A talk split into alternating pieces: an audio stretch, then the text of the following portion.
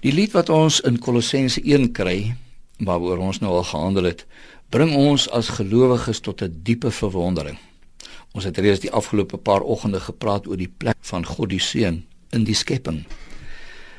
Maar in hierdie lied kom daar 'n opvallende wending. Een oomblik sing die lied nog voor alles was die Seun al daar en deur hom bly alles tot stand. En dan skielik gaan dit nie meer oor sy plek in die skepping nie, maar oor die seun en die kerk.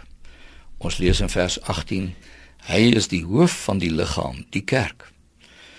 Ons moet egter nie dink dat die heerlike posisie van die seun in die skepping nou in hierdie lied van die tafel afgevee is nie.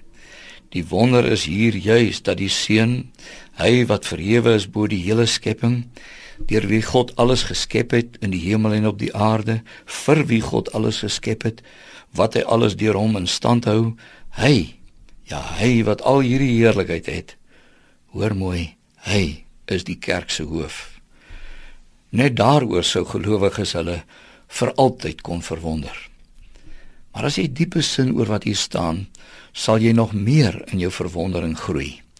Die beeld wat hier gebruik word met jou aangryp, naamlik hoof en liggaam. Ons weet mos watter eenheid daar tussen 'n mens se hoof en jou liggaam is. So nou is die eenheid tussen die een deur wie God alles geskaap het en nog onderhou en die kerk. So nou soos 'n hoof en 'n liggaam.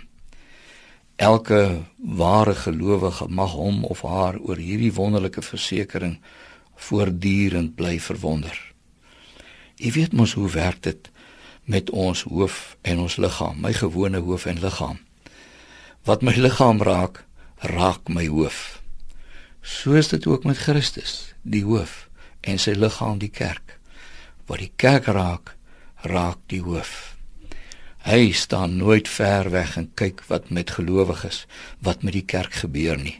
Hy is hulle hoof. Wat hulle raak, raak hom. Hy is nooit magteloos in dit wat met gelowiges, met die kerk gebeur nie. Ons weet mos, hy is die een deur wie God alles geskaap het tot wie hy dit geskaap het en die een wat alles in stand hou. Hy is die hoof van die gelowiges van die kerk. As jy 'n gelowige is, dis wie jou hoof is. Verwonder jou hieroor en mag ek jou vra, laat hierdie verwondering ook in jou gebede na vore kom, gelowige. Kom ons bid nou juis ook daaroor. Here, ons verwonder ons Hy deur wie u alles geskaap het en alles onderhou. Hy vir wie u alles geskaap het. Hy is ons hoof. Ons loof u naam. Amen.